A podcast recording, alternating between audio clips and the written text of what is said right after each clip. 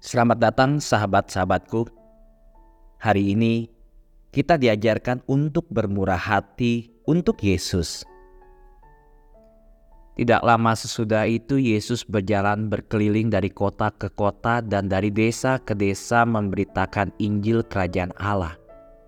Kedua belas murid-muridnya bersama-sama dengan dia dan juga beberapa orang perempuan yang telah disembuhkan dari roh-roh jahat atau berbagai penyakit yaitu Maria yang disebut Magdalena yang telah dibebaskan dari tujuh roh jahat, Yohana Isikusa bendahara Herodes, Susana dan banyak perempuan lainnya.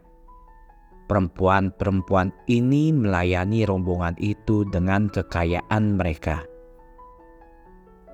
Yesusku, Pastinya engkau sangat mengasihi wanita-wanita ini. Mereka selalu melayanimu. Apa pun yang engkau perlukan pasti tersedia dan engkau tidak akan kekurangan apa pun.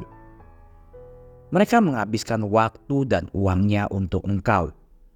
Padahal sebenarnya engkau sebagai Tuhan bisa tanpa bantuan siapa pun. Tidak bisakah engkau Tuhan? engkau adalah Tuhan, tetapi engkau ingin makan dan minum apa yang mereka sediakan dan ingin tidur di rumah yang mengundang engkau. Untuk beberapa alasan, Yesus, engkau lebih suka diberi sesuatu daripada mengambilnya. Dan para wanita itu Cukup murah hati tidak hanya untuk memberikan apa yang engkau butuhkan, tetapi juga mengikuti engkau untuk memastikan bahwa engkau selalu memiliki apa yang kau butuhkan. Seakan-akan hidupmu di bumi wajib bergantung pada orang-orang yang bermurah hati.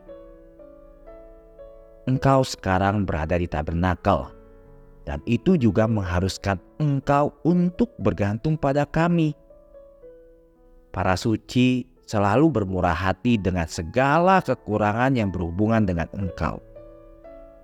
Bahkan di saat mereka miskin, mereka tidak mensisakan apa pun agar bisa memberikan yang terbaik untukmu. Santo John Vianney adalah contoh yang baik dalam hal ini. Dia sangat miskin. Dia selalu makan hanya tiga atau empat kentang rebus sehari. Dia tidur di lantai dan hanya memakai satu jubah.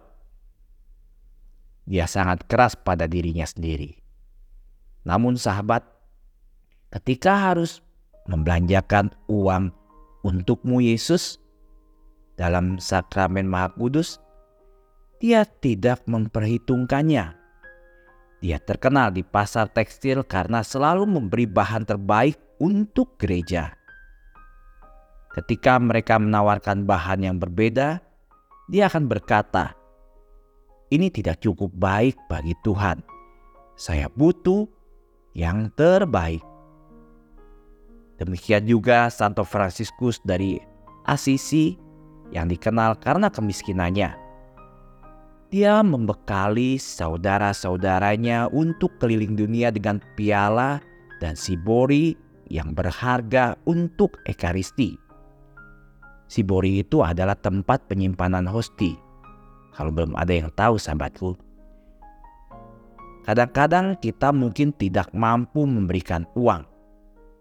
Namun, selalu dapat melayani Yesus dengan banyak cara lain seperti pengabdian dan kasih sayang sama seperti wanita dalam Injil ini.